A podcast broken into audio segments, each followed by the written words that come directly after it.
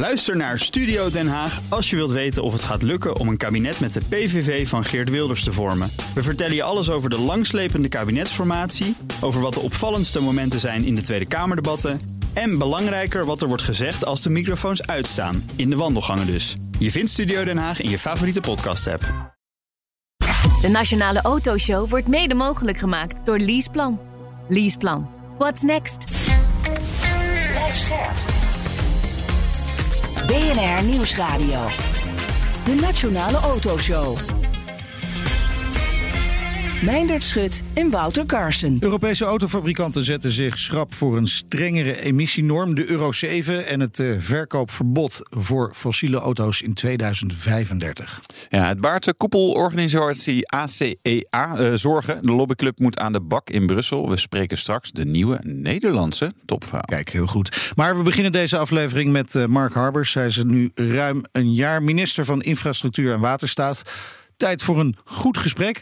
Uh, we gaan het zo onder meer hebben over Smart Mobility Monitor. De Smart Mobility Monitor, die is uh, uitgekomen. Daar staat allemaal hele interessante informatie in. Slimme dingen staan erin. Ja, minister Harbers, ja, ruim een jarige minister nu. Goed moment om eens nader kennis te maken. Hoogtijd misschien ook wel.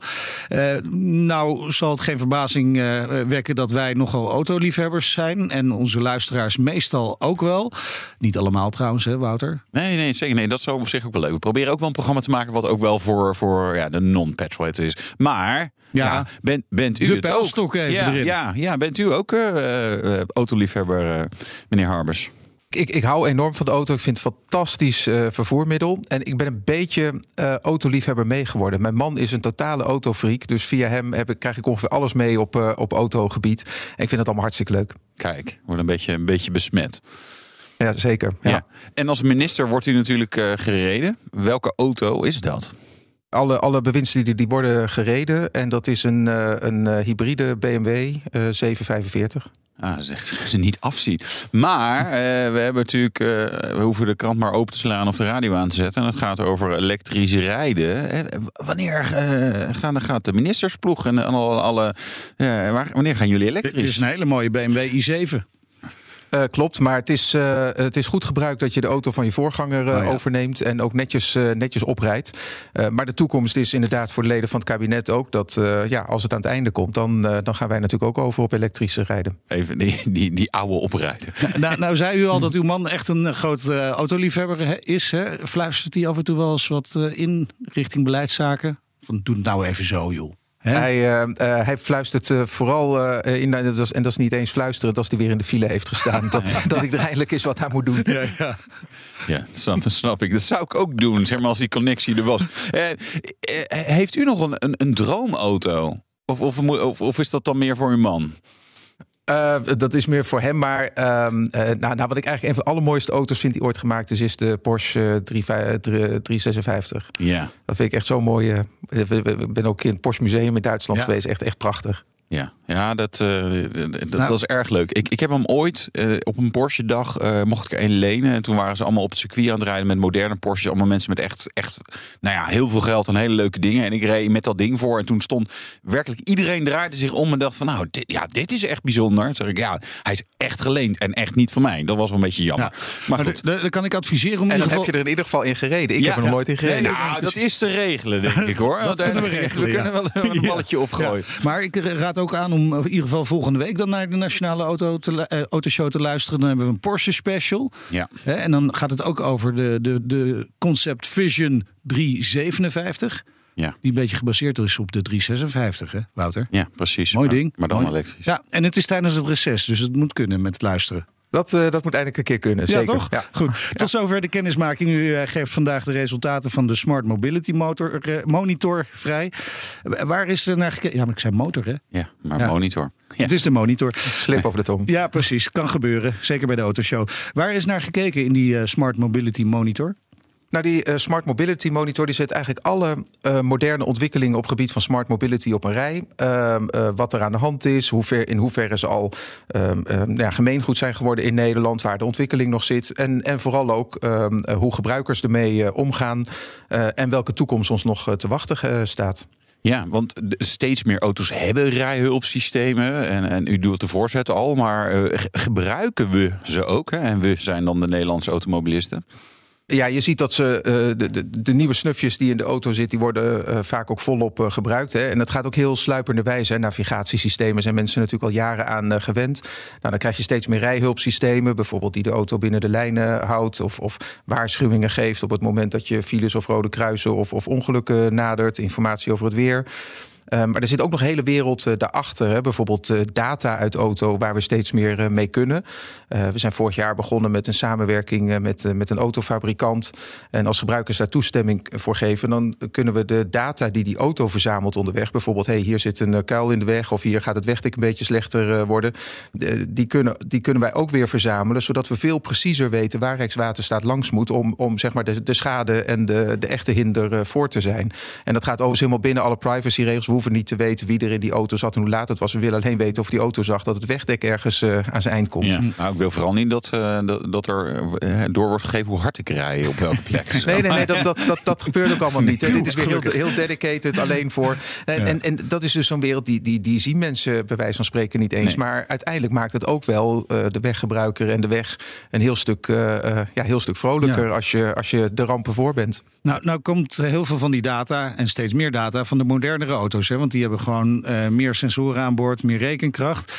Maar ja, ons wagenpark wordt alleen maar ouder, meneer Harbers. En dat heeft natuurlijk te maken met uh, het feit dat er gewoon te weinig nieuwe auto's bij komen. Is dat een probleem wat u betreft? Nou, het, zijn het is uiteindelijk de keuze die consumenten zelf uh, maken. Ik kan ook niet uh, in de portemonnee van mensen kijken. En je ziet in Nederland dat er wel een hele neiging is om te zeggen: Nou, ik hoef niet meteen een nieuwe. Doe mij maar een goede, uh, goede tweedehands waar de kop even af is. Tegelijkertijd komen er ieder jaar in Nederland nog 400.000 nieuwe auto's op de, op de weg. Die ook gewoon een hele tijd meegaan. Dus ja, vanuit, vanuit duurzaamheid is het ook wel goed dat een auto ook niet te snel naar, de, naar de sloop gaat. Uh, maar je ziet dat die nieuwe ontwikkelingen in auto's, hè, rijhulpsystemen, systemen die er zijn voor de verkeersveiligheid, maar ook voor je eigen comfort en gemak, um, die, die worden al natuurlijk al een aantal jaar ingevoerd. Dus stap voor stap zie je natuurlijk ook wel dat er nu steeds meer tweedehands auto's zijn waar ook al de nodige snufjes uh, in zitten. Um, uh, dus we zullen vanzelf zien dat het niet alleen meer in nieuwe auto's zit, maar ook in tweede en soms al derdehands auto's, ja. dat die ook al helemaal bij de tijd gaan komen. Ja, maar uh, ons wagenpark is het oudste van West-Europa. In Europa is al alleen Albanië heeft een ouder wagenpark. Dat is toch wel. Daar kun je toch als Nederland niet meer mee wegkomen eigenlijk. Ja, maar tegelijkertijd um, heb ik ook niet heel veel instrumenten om dat, uh, om dat te veranderen. Nee, dan moet u naar een collega uh, want, kijken, denk ik. Uh, ook dat. Um, maar het is, het, is, het is wel al van heel lange tijden dat, dat Nederlanders hun, hun auto goed gebruiken en ook, en ook oprijden. Um, waar ik ook vooral naar kijk is bij de nieuwe auto's kunnen we er ook voor zorgen dat het wel een beetje betaalbaar blijft. En je ziet natuurlijk ook dat kleine auto's ook gemiddeld genomen ook al duurder wordt. En dat, maar dat heeft tegelijkertijd ook wat te maken met allerlei nieuwe features op zo'n auto die, waar, waar, waar, mensen inmiddels aan gewend zijn. Hè. Mm -hmm. Vroeger had alleen een grote auto uh, airbags of airconditioning. Ja, dat moet in iedere auto zitten ja. tegenwoordig. En dat zie je nu ook al met alle nieuwe smart mobility uh, snufjes. Dat, dat maakt nieuwe auto's natuurlijk wel wat duurder. Ja. Ja, die, die, kosten worden daar natuurlijk, ja, die lopen natuurlijk uh, op. Hè. Um, een stap verder dan worden geholpen is, is autonoom uh, rijden. Uh, gelooft u daarin? Ik geloof er zeker in. Um, en als ik er niet in zou geloven, moet ik er in ieder geval wel rekening mee houden dat die ontwikkelingen wel op ons af uh, gaan, uh, gaan komen. Want er is heel veel beweging op, uh, op autonoom rijden. De eerste ja. auto's met zelfrijdende functies rijden al rond. We zagen ze al in Amerika, in Californië wordt mee getest. Rijden ook al rond in de Europese Unie. En er zijn inmiddels ook in Europa regels vastgesteld die omschrijven waar zelfrijdende voertuigen aan moeten voldoen. en nu zie je vervolgens dat verschillende fabrikanten al hebben aangekondigd dat ze de komende jaren ook willen gaan testen om hun zelfrijdende auto's, of ja, meestal is het half zelfrijdend, hè, nog een, ja. een paar functies die de auto overneemt, om die goedgekeurd uh, te krijgen. Ja, en op, dat is wel het moment dat we aan de slag moeten, want dan komt er een hele wereld voor, voor het ministerie achterweg om te zorgen dat we dat ook goed van tevoren doordenken en ook uh, de wet en regelgeving daarop, uh, daarop aanpassen. Ja. Nou, alleen wet en regelgeving of komt daar meer bij kijken? Er komt uh, eigenlijk bij, hoe verder je komt, komt er iedere keer weer iets nieuws uh, bij kijken. Uh, je moet bijvoorbeeld kijken naar verzekeringskwesties, naar aansprakelijkheid. maar je moet ook kijken of de infrastructuur up-to-date is. Nou, als je ook rondrijdt in Europa, dan zie je dat onze infrastructuur uh, van goede kwaliteit is. Het is wel een enorme uitdaging de komende jaren om dat zo te houden. We krijgen echt heel veel werk aan de weg om het weer helemaal bij de tijd te maken. Want ja, bruggen en wegen die gemiddeld 50 jaar oud zijn, ja. dan ben je er niet meer met een kleine opknapbeurt. Dan wordt het uh, grote renovatie. Um, maar dan ga je bijvoorbeeld verder kijken. Hè, um, onze, zeker op onze snelwegen. Want je, je, moet dan ook gaan kijken als je ooit zelfrijdende auto's hebt. Hè, is de beleiding op de wegen, is dat dan allemaal helemaal... kan de auto daarmee uit de voeten? Nou, nou dan zie je dat het gemiddeld genomen heel op goed snelwegen is, wel goed gaat. Maar bedankt voor de voorzet. 80 kilometer wegen met die versmalde rijbanen. Dat is, dat is ronduit irritant om nu al met, met auto's te rijden... die uh, lane departure warning doen. Want die snappen dat eigenlijk niet. Die zeggen, ja, joh, er staan hier lijnen, maar uh, ja, dit, dit, dit is een rare, rare constructie. Klopt, en, en daar zijn die wegen natuurlijk ook nooit voor, uh, voor bedacht. Dus daar moeten we ook mee, uh, mee aan de slag. Maar dan buiten die 80 kilometer wegen, stel je voor wat er gebeurt in de bebouwde kom. Fietsers, voetgangers, honden, spelende kinderen, ja. alles zit door elkaar heen. Dus daar hebben we nog wel een weg te gaan. En dan um, als je in Nederland denkt, nou daar kunnen we mee aan de slag. Een auto gaat denk ik ook nog wel eens over de grens. Dus dit zijn typisch van die dingen waar we het ook in Europa met elkaar over hebben. Maar die ontwikkelingen gaan heel snel als we 100% zelf rijden, dat duurt, echt nog wel een, uh, dat duurt echt nog wel een tijd. Maar ik zie over 30 jaar wel een toekomst vormen. Uh, waarin we ook daaraan kunnen wennen. En dan heb je heel veel onbenutte capaciteit. Want nu moet je heel veel afstand houden op de snelweg. Maar als het echt helemaal autonoom is, uh, dan kun je met kortere opvolgafstanden. dan gaan die auto's ook met elkaar communi communiceren. En dan kunnen we de capaciteit die we hebben wel veel beter benutten. Maar er is nog zo'n interessant ding waar je dan tegenkomt. Want een auto die functies overneemt of zich helemaal zelfrijdend zou zijn ja, op het moment dat hij dan in die bebouwde kom komt. Um, dan kan er een moment komen dat hij zegt: Hé hey bestuurder, nou moet je het even van mij overnemen. Want uh, ik, ik, raak hier geen wijs meer uit met, uh, met al die uh, mensen om me heen. Maar hoe regel je dat? Hoe geeft die auto een signaal aan de bestuurder van hey, wakker worden? Uh, want je moet het zo meteen van me overnemen. Nou, dat, dat is dan weer zo'n vervolgvraag waar je dan, uh, waar je dan achter komt. Ja, dat beter benutten van die capaciteit, daar heb ik wel vraagtekens bij. Hè? Want als je nu kijkt naar hoe uh, autonome systemen handelen, dan nemen ze juist behoorlijk veel afstand van de auto voor je. Terwijl wij als mensen, zeker in Nederland, juist gewend zijn om best wel dicht op elkaar te rijden. Hè? Veel dichter dan in andere landen. Ja. Dus gaan we juist niet veel minder goed die capaciteit benutten als we autonoom rijden. Ja, maar dat is echt anders wat we nu hebben. Hè? Ik bedoel, het, het, het, het, droombeeld wat ik net had was een wereld waarin die auto's echt helemaal autonoom rijden. Maar die wereld hebben we nu niet. We hebben nu uh, auto's die je echt zelf moet besturen. En het klopt, dan zitten we soms wel uh, onredelijk dicht bij elkaar. Want mensen overschatten zichzelf wel een ja. beetje in hun reactievermogen. Ja. Um, dus die auto's die we nu hebben, die moeten er rekening mee houden dat die auto voor je gewoon iemand heeft die alles zelf doet. En, um, uh, en moet rekening houden met dat, met dat reactievermogen. Ja. Dus wat ik net schetste, dat is echt iets wat, wat pas in een verre toekomst het geval zal, maar, zal maar goed, gezien ons oude wagenpark, zullen we daar nog heel veel jaren rekening mee moeten houden. Eh, ik denk ook dat de eerste decennia zal echt een wereld zijn waarin de auto dingen van je over kan nemen, maar het niet ja. helemaal uh, zelfstandig uh, gaat doen. Maar daar hebben we natuurlijk ook heel veel winst bij. Hè? Veel van de smart mobility features die we nu hebben, dat, dat, dat zijn ook dingen die de verkeersveiligheid kunnen uh, ja. bevorderen.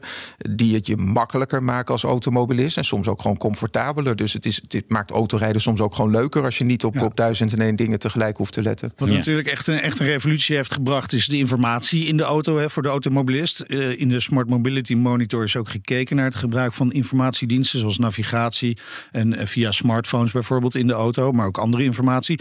Zijn we goed geïnformeerd in de auto? Veel beter dan vroeger?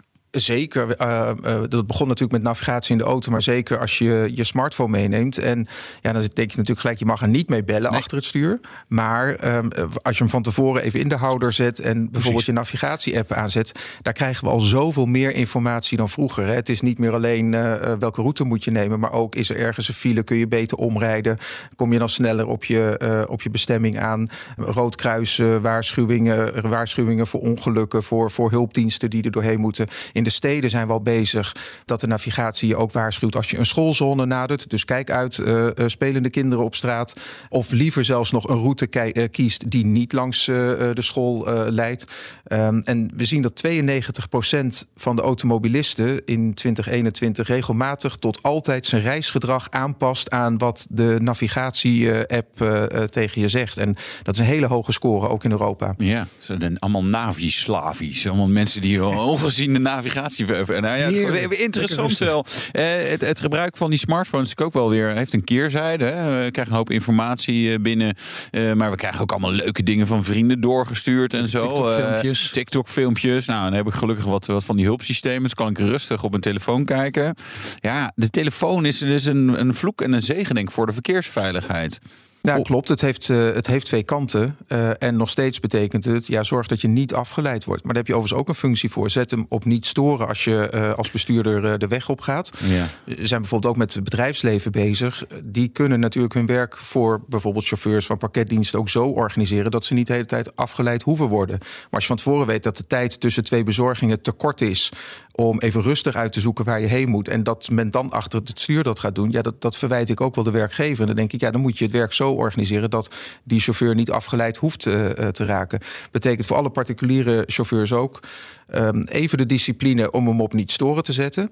Maar de informatie die je rijden veel makkelijker maakt, eh, dat, de, ja, gebruik die ook vooral. Ja. En daar zie ik overigens, en dat, dat duurt geen decennia, daar zie ik vroeg of laat wel een wereld vormen waarbij de matrixborden die we nu boven de weg hebben hangen eh, en, en de routepanelen, dat, dat wordt wel hele oude techniek. Op het moment dat iedereen in het stuur, achter het stuur betere informatie heeft dan wat wij heel snel boven de weg kunnen, kunnen tonen, ehm, dan, eh, dan denk ik dat de wereld gaat worden dat we eh, ook als overheid zorgen dat we onze informatie ook allemaal in die route-apps eh, zetten. Nou, dat, dat gaat natuurlijk nog wel even duren. Hè? Want als ik, als ik zie, zeg maar ook, er zijn natuurlijk auto's die verkeersbordenherkenning doen op basis van navigatie, matrixborden, et cetera. Maar er gaat ook wel regelmatig mis eh, dat hij het verkeerde bordje pakt en zo. Hè? Het moet dan wel heel goed zijn. Want dan gaat de auto bijna voor jou beslissen van ja, dit is het. En dan kijk, ja, ik heb geen andere informatie om, om te zien eh, of dat klopt. Eh, stel dat we in, in, in die toekomstwereld de matrixborden en andere borden weghalen. Klopt, en dit is zo'n voorbeeld waar je als bestuurder tegenwoordig, als je je auto krijgt, ook meer uitleg nodig hebt dan vroeger. Want aan de ene kant zie je, er zitten nog wel eens eh, voorzieningen op een auto die, die mensen waar ze zich niet van bewust zijn. Of, of als het opeens een keer aanslaat, dat ze denken: hé, hey, help, wat moet ik doen? Bijvoorbeeld automatische snelheidsbegrenzing. En dat ze opeens denken: hé, hey, help, eh, waarom kan ik nu niet het gaspedaal verder in eh, trappen? Hetzelfde geldt met verkeersbordenherkenning. Dat staat nog in de, in de kinderschoenen. Je moet weten wat het kan, maar ook wat het niet kan. Ehm, eh, en daar heb je ook wel weer meer uitleg nodig. Want soms vertrouwen mensen onterecht helemaal op hun auto. Ehm, en soms zijn ze zich ook niet bewust van waar de auto hen eigenlijk meer kan helpen dan, eh, eh, dan nu. Maar waar het om routeinformatie gaat, daar hebben we in Nederland, denk ik, de zaken echt wel heel goed eh, eh, op orde. We brengen alle data van de overheden, niet alleen van de Rijkswaterstaat, maar ook van gemeenten en provincies bij elkaar. Eh, en we kunnen echt via route-apps kunnen we je gewoon echt betere informatie geven. En heel veel mensen hebben natuurlijk zoiets van ja, die files, ze zeggen wel dat daar file staat, maar ik weet nog wel een, sluipweg of een omweg. Maar we gaan echt naar een wereld dat je echt het snelst op je bestemming komt als je gewoon wel naar je navigatie-app eh, eh, luistert. En uiteindelijk willen mensen ook een betrouwbare reis en willen ze vooral weten hoe laat ze aankomen. Ja. Over die files. Die files zijn natuurlijk wel gewoon weer helemaal terug in Nederland. Hè?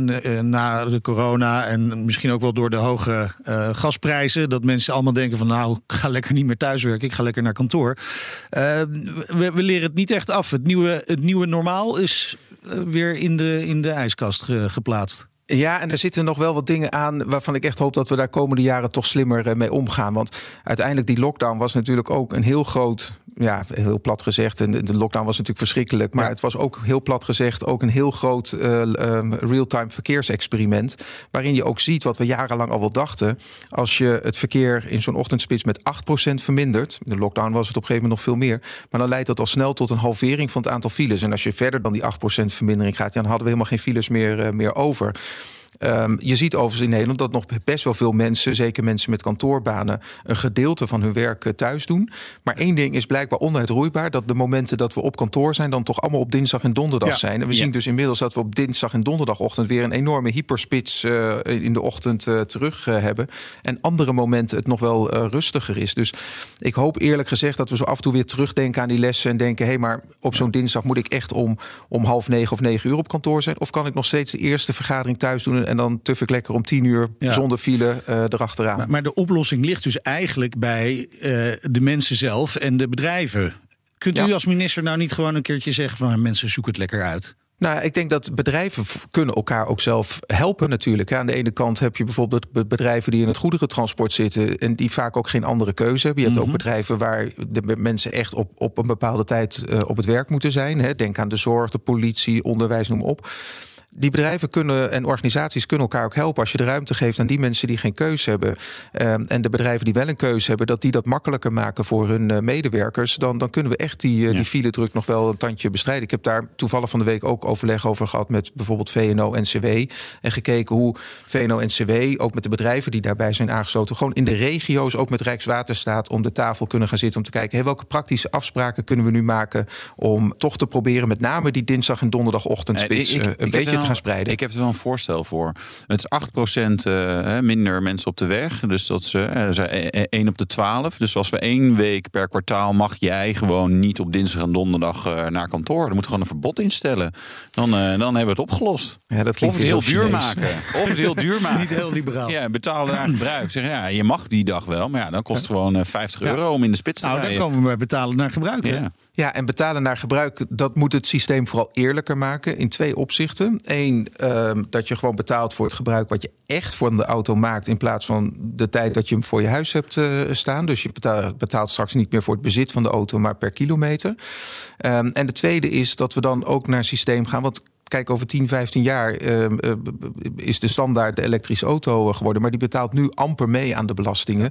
En we willen dan gewoon weer dat alle auto's, ook de elektrische, gewoon weer een kilometerprijs gaan, uh, gaan betalen. Dus iedereen betaalt weer mee. Maar wat we niet gaan doen, is onderscheid maken tussen wanneer je op de weg zit, welke tijd, ochtendspits of daarbuiten, of ja. de plaats in Nederland waar je rijdt, ja. of dat de Randstad is of Groningen. Terwijl dat zou Want, wel die dinsdag en donderdag files oplossen, als we dat wel zouden doen. Dinsdag ja, ik kantoor, denk daar moeten we 50 euro. Ja, ja, maar daar moeten we ook gewoon het gezond verstand voor, uh, voor gebruiken. Uiteindelijk, je bent, je bent gewoon later op kantoor als ja. je dinsdagochtend om half acht. Ik bedoel, ga, ga om negen uur weg en je bent soms nou ja. op dezelfde tijd op, uh, op kantoor. Dus even het gezond verstand benutten. Het probleem is, uh, of het punt is vooral dat als we dat rekeningrijden zo ingewikkeld zouden maken dat het ook moet zien waar je rijdt en op welke tijd je rijdt, dan is de ICT die we daarvoor nodig hebben echt, echt vele malen ingewikkelder dan simpelweg kijken hoeveel kilometers rijdt een auto. Plus dat we dan denk ik ook nog wel wat problemen krijgen op te lossen met de privacywetgeving. Ja. Want het is nogal wat als je een overheidssysteem bouwt wat van 10 miljoen auto's weet op welk moment van de dag ze op welke plek in Nederland hebben gereden. Dat is wel heel veel privacygevoelige informatie. tot slot, wanneer komt het voorstel hiervoor? Uh, we verwachten dat we uh, tegen de zomer uh, de, de, hele uitwerking ah. hebben van het voorstel voor rekeningrijden. Nou, dat, dat, is, dat is in ieder geval heel snel. En hopelijk spreken we u tegen die tijd weer dat het in ieder geval niet nog een jaar hoeft te duren. Hartelijk dank voor dit gesprek en tot de volgende keer. Mark Harbers, minister van Infrastructuur en Waterstaat. En zometeen. De nieuwe Nederlandse topvrouw van de ACEA, de koepelorganisatie voor Europese autofabrikanten. Ja, en die krijgen een hoop op het bordje. Dus genoeg om te bespreken. Tot zo.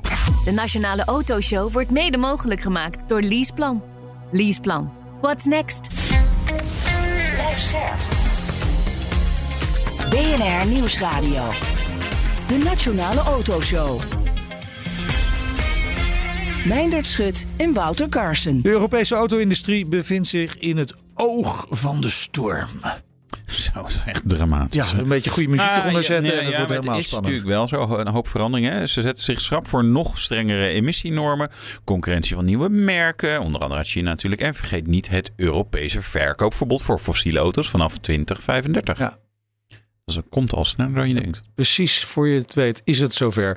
Genoeg om te bespreken dit half uur dus met Sigrid de Vries, directeur-generaal bij de ACEA, de Europese koepelorganisatie voor auto- en truckfabrikanten. Welkom.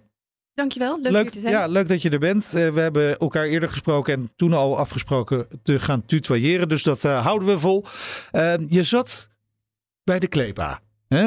de koepelorganisatie voor toeleveranciers in de autosector. Maakt dat de overstap naar de ASEA ook gewoon minder groot? Het is wel vergelijkbaar, ja. de belangen. Ja, het is natuurlijk de auto-industrie. Ik zei bij Klepa altijd, dat is de grotere helft van de auto-industrie. En dat is ook als je kijkt naar het aantal fabrieken en het aantal mensen dat er werkt. Maar de autofabrikanten geven natuurlijk uh, de, de toon aan. Die, uh, die maken de muziek eerst. Uh, dus ja, ja. Die zijn nou meer toch, ja, dat, dat is wel een interessante discussie. Want uh, soms heb ik het gevoel van, nou, die toeleveranciers die ontwikkelen een van een mooi systeem. En dan is het Mercedes of BMW of Audi die zeggen, nou, we hebben nu iets gaafs. En een half jaar later zit het in alle andere auto's. Dan denk ik, nou, dat Mercedes, dat hebben jullie dus niet zelf verzonnen. Dus die toeleveranciers ook wel, die zijn ook wel belangrijk. Die zijn heel belangrijk. En het is vaak natuurlijk een samenwerking. Hè? Dus, soms komt een toeleverancier met een idee. Hm. En dan, dat vindt een autofabrikant dan inderdaad een goed plan en dan gaan ze het uitvoeren. Maar het is ook wel eens andersom. Dat de autofabrikant zegt, goh, ik hoor van mijn uh, klanten dat, ik, dat dit en dit leuk zou zijn. Kunnen jullie dat ontwikkelen? Ja, ja, we doen het heel vaak samen ook om de kosten ja. te delen. Over die samenwerking. Vlak voordat je aantrad uh, zijn Volvo en Stellantis uit de ACA gestapt. Dus geen samenwerking meer. Is, is dat een groot verlies? Ja, dat is absoluut heel erg jammer. En uh, de belangen zijn er niet minder om. En uh, de industrie blijft de industrie. Het is niet dat je uit een belangenorganisatie stapt, dat je daarmee ook uit de industrie stapt. Uh, dus ja, veel van de onderwerpen zijn hetzelfde. En veel van de meningen en, en belangen zijn ook absoluut hetzelfde. Dus we werken natuurlijk ook gewoon nog samen. En uh, we hopen erop dat ze op enig moment gewoon weer terugkomen. Weer terugkomen. Maar heb je dan minder draagvlak? Hè? Zeggen ze in, in, in, in Brussel bijvoorbeeld van nou uh, leuk hoor dat jullie iets roepen. Maar uh, niet iedere autofabrikant zit bij jullie. Ik heb het idee van niet. Want het, het overgrote deel van de industrie zit natuurlijk nog wel bij ASEA. En nogmaals, politici en ook andere belanghebbenden willen graag van de industrie horen... Ja hoe ze ergens tegenaan kijken. En ja. ik zeg al, en daar, daar zit niet zoveel licht tussen vaak. Nee. Tussen wat een Stellantis of een Volvo. Maar, maar, vaak ook bij dit soort scheidingen. Dan komen ze na verloop van tijd komen beide partijen achter dat het toch misschien niet zo handig was. En dat ze dan toch weer, misschien wel onder een nieuwe naam, weer samen gaan. Dat zie je wel gebeuren? Ik zie dat absoluut gebeuren, want inderdaad, uh, er is veel meer dat we gemeen hebben dan dat ons uh, scheidt. En, en, en, er gebeurt ook heel veel werk onder de oppervlakte. Hè. De, de, de, auto is een van de meest gereguleerde producten ja. die we hebben. Dus ja, al die technische gegevens die moeten uitgewisseld worden. En dat, uh, als het om politieke zaken gaat, is het onmiddellijk lobbying. Maar alles daar beneden gaat over informatieuitwisseling. Ja. En, en dat blijft heel belangrijk. En dat missen ze nu ook. En dat is ook wel de feedback die we krijgen. Van... Okay, maar blijft, blijft het dan ook bij Volvo en Stellantis? Of heb je er ook... Ik heb geen enkele indicatie. Geen dat... indicatie dat nee. andere partijen ook nog uit de ACA nee, Sterker stappen. nog, ik heb een zeer gemotiveerd en, en enthousiast uh, ledenbestand aangetroffen toen ik begon. Uh, die daar echt in geloven en ook verder willen en vooruit willen. En ook ASEA een nieuwe boost willen geven. Willen veranderen, duidelijker spreken met beleidsmakers. Uh, eerder spreken met beleidsmakers. Dus ja, dat is voor mij heel erg leuk. Ja. Want dan heb je een, uh, heb je, heb je een boord waar je, waar je mee aan de slag kan. Nee, nee, je noemt het zelf al, spreken met beleidsmakers. Ik net triggerde ook wel op, op iets wat je zei over lobby. Ik, het, het, sommige tegenstanders van de auto-industrie zouden zeggen: ja, hallo, ja, jullie willen eerder met uh, beleidsmakers. Ik snap, ik snap het. Maar kan je iets uitleggen over dat ze jullie misschien ook echt wel nodig hebben om te kijken van wat is haalbaar, wat kunnen we doen, wat, wat, wat, wat zijn dingen die gewoon ja, die eigenlijk niet moet willen, omdat het gewoon toch niet gaat werken. Hè? Je hebt natuurlijk zeg maar alle goede voornemens. We gaan allemaal meer sporten en meer, uh, minder werken, betere dingen, meer familie bellen en zo. Maar ja, weet je, moet ook reëel zijn. Dat ja. geldt denk ik ook wel voor, voor het lobbywerk en, en het spreken met beleidsmedewerkers. Absoluut. Kijk, een belangrijk deel van belangenbehartiging bestaat uit het uitwisselen van informatie. Kijken naar wat er gebeurt, wat heeft de samenleving nodig, wat is er dan haalbaar, wat kun je doen, wat is er ook technisch mogelijk. Die expertise zit niet bij overheden of bij beleidsmakers. Die heb je nodig van de industrie, in dit geval de auto-industrie. Dus dat, en dat is ook heel, heel goed en gezond dat dat gebeurt. Um, en ja, inderdaad, er zijn vaak heel veel verschillende plannen. Ik zei het al, auto is een, ja, een zeer gereguleerd uh, product. Dan gaat het over veiligheid, over milieu. En dat werkt elkaar soms ook tegen. En dat zie je bijvoorbeeld al bij emissienormen. Uitlaatgassen, als je die wil verminderen, moet je vaak wat meer brandstof verbruiken.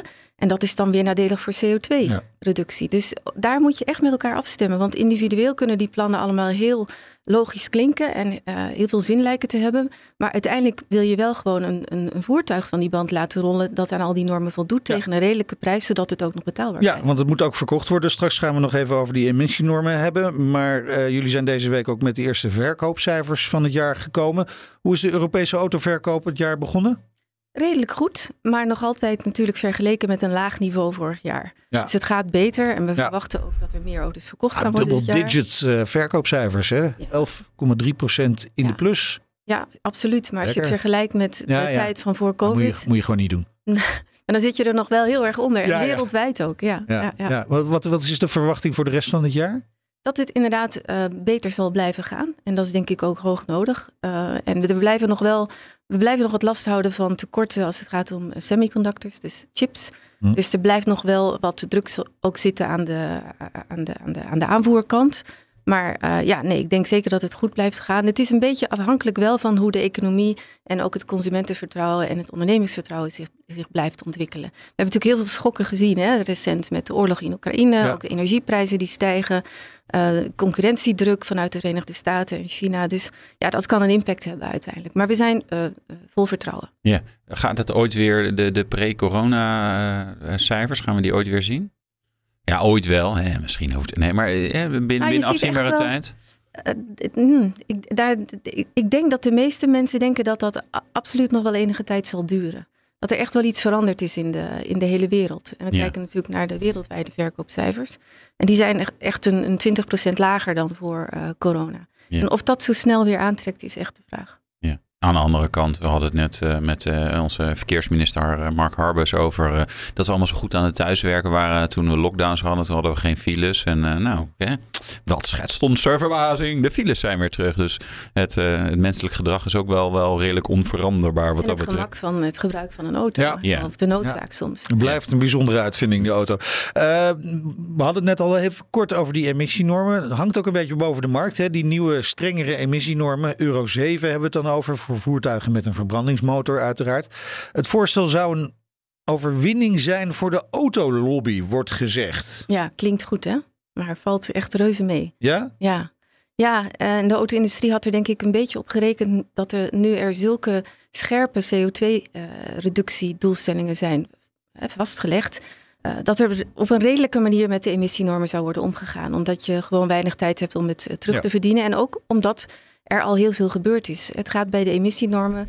95% eh, van de emissies is eigenlijk al gedekt. Dus het gaat om de overblijvende 5%. En dat is maar heel weinig. En de elektrificatie van het autobestand leidt er sowieso toe dat je minder verbrandingsmotoren op de weg hebt. Dus dat is ook goed voor luchtkwaliteit. Um, wat we nu gezien hebben van de Europese Commissie uh, valt gewoon heel erg tegen. Uh, en dat, waarom valt het tegen? Nu, omdat uh, de, de, de, vooral de testprocedures enorm worden aangescherpt.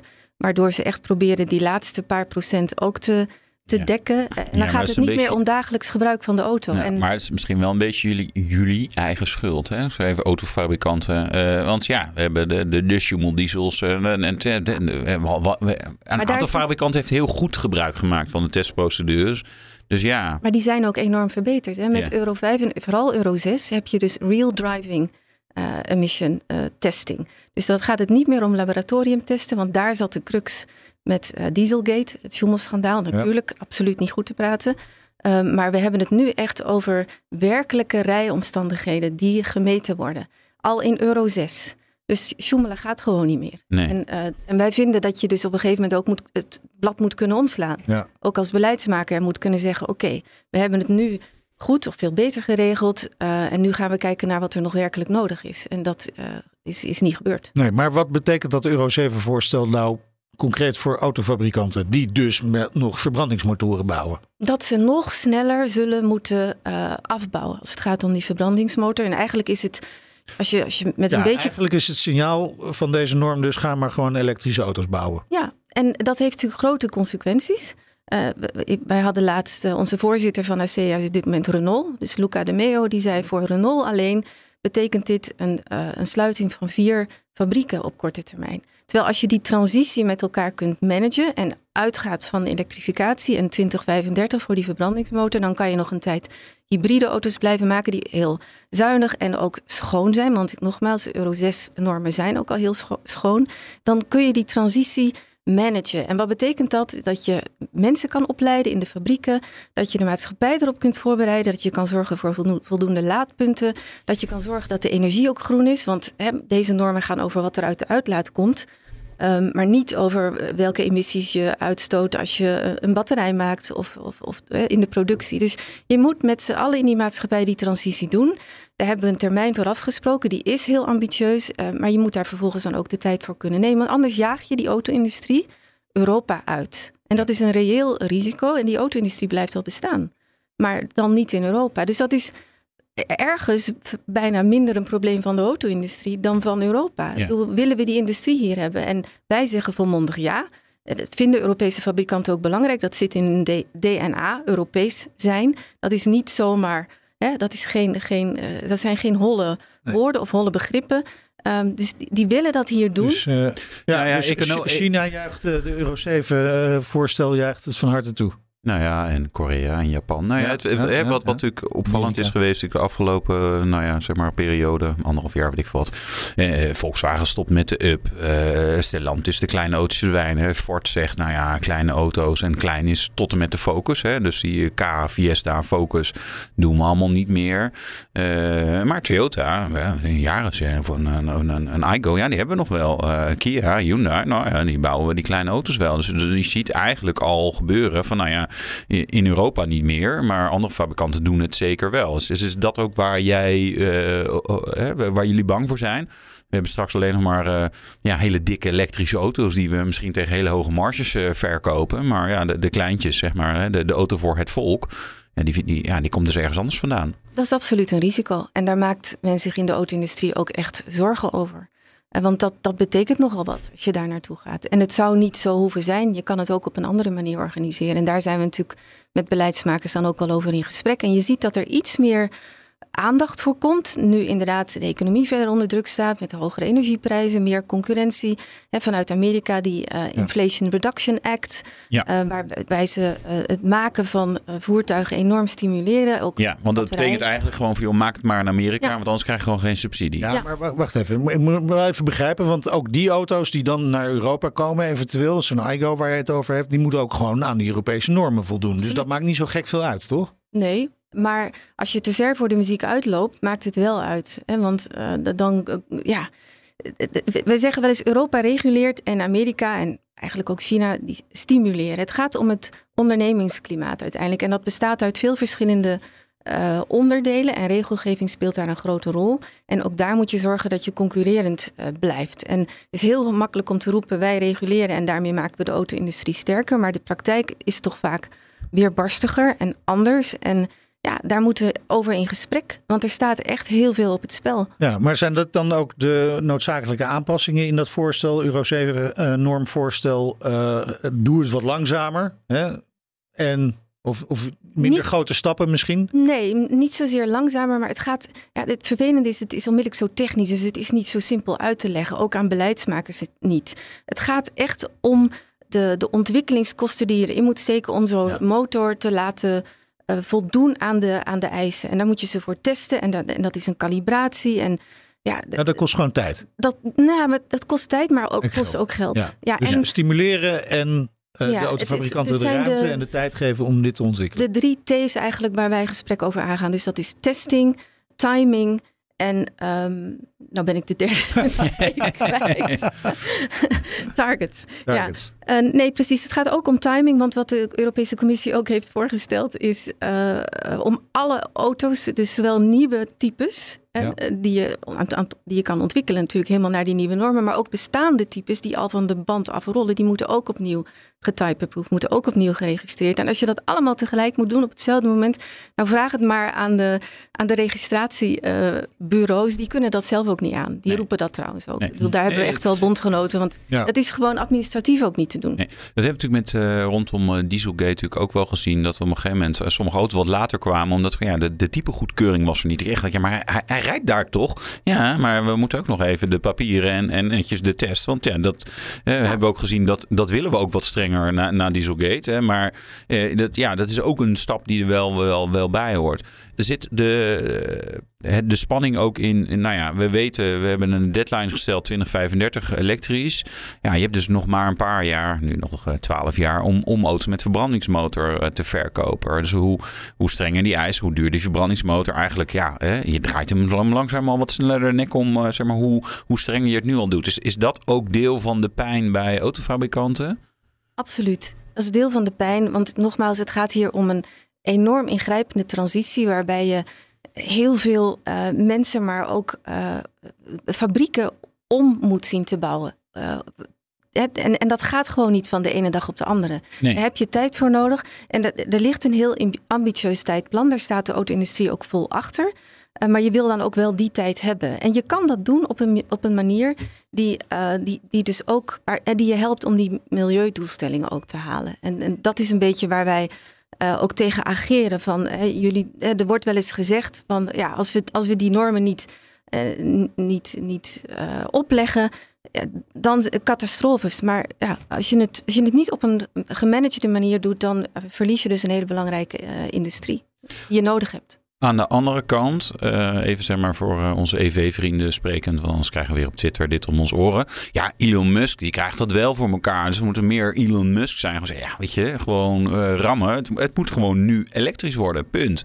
Dus ja, wat nou nog verbrandingsmotoren? Stop daar gewoon per direct mee, want ja, dat, dat, dat is de toekomst, toch? Het grote verschil is dat Elon Musk is begonnen met nieuwe fabrieken te bouwen. Die had geen hè, rugzak vol met fabrieken die hij om moet bouwen. Ja. En daar zit hem denk ik het grote verschil. Je wil die transitie met z'n allen doen. Er wordt ook altijd gezegd, hè, we leave no one behind. Dus niemand achterlaten. Het gaat hier ook om een sociale dimensie. Uh, dus ja, dan, dat zul je moeten managen. En dan moet je ook een eerlijk uh, debat over ja, dus... En hij had een grote rugzak met heel veel financiële steun van ja, de overheid. Maar dan zouden we moeten zeggen, ook we sluiten alles wat er nu is. Ja. En dan beginnen we helemaal overnieuw. Ja, nou, is, ja aan de is andere dat dan kant. De oplossing? Nou ja, we, we, we, hebben overal in alle industrieën zijn uh, mensen tekort. Dus ja, weet je, nee, dan kunnen we zeggen, ja, we, ja, we hebben deze meneer heel goed in uh, dieselmotoren in elkaar. Uh, nou, laat hem in de kinderopvang gaan werken. Nee, we, we, er is natuurlijk wel ook. Uh, ja, maar daar raak je toch precies aan het menselijke aspect hier ook. Yeah. Waar zo gemakkelijk wel eens overheen gestapt wordt. Uh, als, als jij die persoon was die die dieselmotor uh, bouwde. Met veel trots en, en een goed ja. pensioen in het vooruitzicht. En je moest ineens in de kinderopvang gaan werken. Lijkt me heel gezellig. Maar ik denk maar, ook nee, dat je er heel geschikt voor ja. bent. Nee, ja.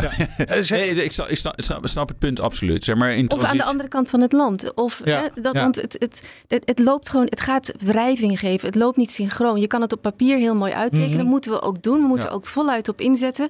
Maar het moet wel haalbaar en doenbaar zijn. En weet je, we hebben nu in Europa in deze legislatuur. Er zijn heel veel ambitieuze doelstellingen vastgelegd op papier. We zijn nu op het punt dat ze uitgevoerd moeten worden. En dan loop je dus tegen die praktische punten in de praktijk aan. En die moeten we niet uit het oog verliezen. Ja, Euro 7 staat nog niet vast op papier. Het is een voorstel. Wanneer verwacht je een definitief besluit? Uh, dat zou er uh, tegen het eind van dit jaar kunnen liggen. Dan moet het misschien nog geformaliseerd, maar ja. dan zou er een akkoord over kunnen zijn. Um, en dat zou dan ook net op tijd zijn voordat er Europese verkiezingen zijn in 2024. Juist. Want dan komt er een nieuwe Europese Commissie, een nieuw parlement. En dan zou het weer veel langer duren. Oké, okay, dus het moet eigenlijk ook gewoon wel. Ja. Ja, oké, okay, dan gaan we, gaan we zien en afwachten wat er gebeurt allemaal. Ondertussen komen er natuurlijk ook steeds meer nieuwe uh, fabrikanten, vooral elektrische fabrikanten, bij op de Europese markt. Uh, komt de concurrentie op dat vlak ook onder druk te staan in Europa? Uh, ja, de positie? Nou ja, het is natuurlijk geweldig dat er zoveel competitie en concurrentie Ja. is. En dat heb je ook altijd gezien. En jullie noemden daar straks ook al Koreaanse en ook Japanse uh, fabrikanten. Uh, ja. En dat zie je nu vanuit China komen. En zeker met elektrische auto's en ook uh, het, digitale, elektronische aspect wat in die auto's zit, dat, is, uh, dat ziet er gewoon heel goed uit. Dus dat is absoluut concurrentie. En ja, er is natuurlijk ook wel sprake van oneerlijke concurrentie. De subsidies die er gegeven worden aan die fabrikanten, indirect dan wel direct. Um, dus ja, dat, daar zijn we wel mee bezig van oké, okay, hoe bied je die concurrentie het hoofd? En wat kan beleid daar dan ook weer voor een rol Ja. spelen? Nou, importtarieven. Ja, maar weet je, het is een, een hele. Uh, het is een industrie die globaal werkt, wereldwijd. Dus je wil je markt niet op slot doen. Uh, want je wil ook trouwens zelf auto's kunnen importeren elders uh, vandaan. Als, je ze, als, als dat voordeliger is om ze daar te, te produceren. Maar je, je wil een open markt. Europa, de binnenmarkt is al geweldig, maar Europa, dat dat een, een open markt is, uh, waar je, dat, dat is een enorm voordeel en dat wil die industrie mm -hmm. ook houden. Dus nee, importtarieven, bovendien, die heb je ook maar zo niet afgesproken, maar dat is niet de oplossing. Dat, nee, dat denk je dat ook niet. Aan de andere kant, um, een, ook weer een negatief. Het Europese verkoopverbod hè, voor fossiele auto's. 2035, onlangs goedgekeurd in Brussel. No way back. Ik denk het niet. Nee. Je denkt van niet, of je weet zeker van niet. Nou ja. ja. dat is, ja, is een subtiel verschil. Het is een subtiel verschil. Ja. Gaat dit echt gebeuren? Nou, het, het, is vastgelegd in wetgeving. Ja, ik denk dat... dat is een goede politieke eh, antwoord. Ja, het is vastgelegd. Ja, ja, ja. We hebben dit afgesproken. Nee, maar eh, waar, waar natuurlijk ook waar natuurlijk de twijfel zit, is ja, betaalbaarheid. Uh, Dat we inderdaad genoeg fabrieken hebben. Dat er genoeg mijnen zijn om lithium-ion uit te trekken. Nou ja, er zijn heel veel missen. De kosten van die accu's van die batterijen omlaag gaan. Dat mensen ze willen rijden. Dat mensen ze kunnen opladen. Ik, het, Vooralsnog gebeurt dat allemaal niet, hè? Nee, want het staat dus op papier en nu moet het uitgevoerd. En en eh, dat ligt dus niet alleen aan de auto's die op de markt komen. Aan, aan de industrie zal het in die zin niet liggen. Die maakt die auto's. Maar ze moeten dan wel uh, gekocht, gebruikt, gereden worden. En, en tegen inderdaad prijzen eh, die het de samenleving mogelijk maken er gebruik van te maken. Dus we gaan daar gewoon nog heel veel wrijving zien. Ook heel veel fantastische oplossingen, denk ik, en meer innovatie. Maar dat het soepel gaat lopen, is denk ik wat te optimistisch gedacht. En, en we hebben uh, heel veel schokken gezien recentelijk. Economisch, maar ook geopolitiek, hè, tot en met oorlog. Ja, uh, daar zat een, denk ik een deel van mijn aarzeling. Je weet gewoon niet wat er verder nog gaat gebeuren en wat voor, een, wat voor aanpassingen je dan moet doen als maatschappij om met z'n allen mobiel en, uh, en ook florerend te blijven. Ja. Maar het ligt denk ik absoluut niet voor de hand. Het nee. staat in de wet en ik, ik denk dat we er gewoon met z'n allen vanuit moeten gaan dat dat ook zo blijft. Nee, We weten ook niet hoe lang die oorlog helaas uh, nog gaat duren en, en, wat er allemaal de komende jaren op ons uh, pad komt natuurlijk. Over die fossiele uh, brandstoffen, hè, vallen daar dan ook e-fuels onder of nou, die zijn natuurlijk niet fossiel. Nee, precies. Ja, en ik denk, hè, want we hebben het nu steeds over nieuwe auto's en wetgeving. Maar er rijden nog heel veel auto's rond met een verbrandingsmotor. Ja. En als je werkelijk je, ja, en als je werkelijk je CO2-doelstelling wil halen, dan zal je daar ook een oplossing voor moeten vinden. Dat red je niet met alleen maar wetgeving voor nieuwe auto's en dan vernieuwing van uh, het wagenpark. En dan komen e-fuels, maar bijvoorbeeld in waterstof ja. En, en allerlei uh, mixen uh, tussen, uh, biofuels, dus biobrandstoffen, duurzaam uiteraard, komen dan into play. Ja, absoluut. En ik denk dat daar ook veel serieuzer naar gekeken moet worden en zal worden om schaalgrootte te creëren. En ook daar het gaat ook weer om energieafhankelijkheid. We zullen ze moeten importeren, zoals we dat tot nu toe ook met olie en gas gedaan hebben. En ook hier zelf moeten maken. Uh, maar absoluut, dat is een deel van het verhaal. Ja. Maar de uh, Europese Unie heeft natuurlijk gezegd van ja, uh, zero emission is ook echt gewoon zero emission. Dus ja, e-fuels, als, als er een uitlaat op zit, dan ja. Nee, maar het aardige wij. bij e-fuels is natuurlijk dat je eerst CO2 zeg maar uit het systeem haalt. En ze er dan, dus ze zijn CO2-neutraal. Ja. Nou dus ja, die zero emission klopt wel als je tijd, tijdspad maar lang genoeg maakt, dan is alles CO2-neutraal. Want uh, zeg maar, uh, olie is ooit als boom en dinosaurus zeg maar, uh, omgevallen en in de aarde verdwenen. Dus ja, dat duurt natuurlijk echt wel wat langer. ja. ja.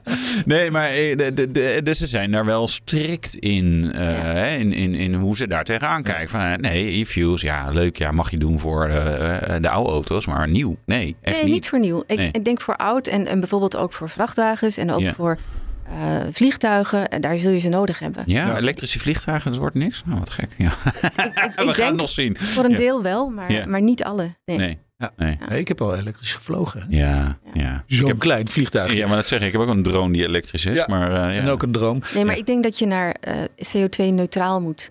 Zeker in eh, transport. En, eh, en dat is ook helemaal niet zo'n Ja, eh, vreemd concept. Hè. Er wordt ook al wel gesproken over het, het afvangen van CO2. Dus Daar zullen we nog heel veel dingen eh, zien. En e-fuels zeker spelen daar een ja rol. en daar, daar zal ook nog heel veel voor moeten gebeuren. Hè? Want Ja. die fabrikanten kunnen die eh, voertuigen gaan bouwen. Maar als ze niet geladen kunnen worden, dan kom je nog geen meter verder. Nee. En als ze niet geladen worden met groene energie, Nee. dan haal je ook je doelstellingen niet. Nee, maar als we nu zien, de druk op het eh, elektriciteit, elektriciteitsnetwerk in Nederland ook al, is enorm. Het kan eigenlijk gewoon niet. Nee. En ik denk dat Europa daar ook eh, veel meer zal moeten doen om al die, eh, om, om te versnellen dat, eh, dat het de grid kan worden opgewaardeerd en dat er sneller ja, toestemming wordt gegeven om, om die dingen te doen. En, en daar staan we nog maar aan het begin, want Nederland staat nummer één met het aantal publieke laadpunten in Europa. Tweede is Duitsland, maar is dan een stuk minder. En, en Nederland en Duitsland samen ongeveer de helft van alle publieke Ja. laadpunten in Europa. Dus ja, je ziet wat voor een enorme uitdaging daar ligt. En dan heb ik het alleen nog maar over personenauto's. Ja, want vrachtwagens hebben eigenlijk nog helemaal niets voor geregeld. Heel weinig. Ja. Ja. En daar zou je ook de waterstofroute eh, echt moeten exploreren.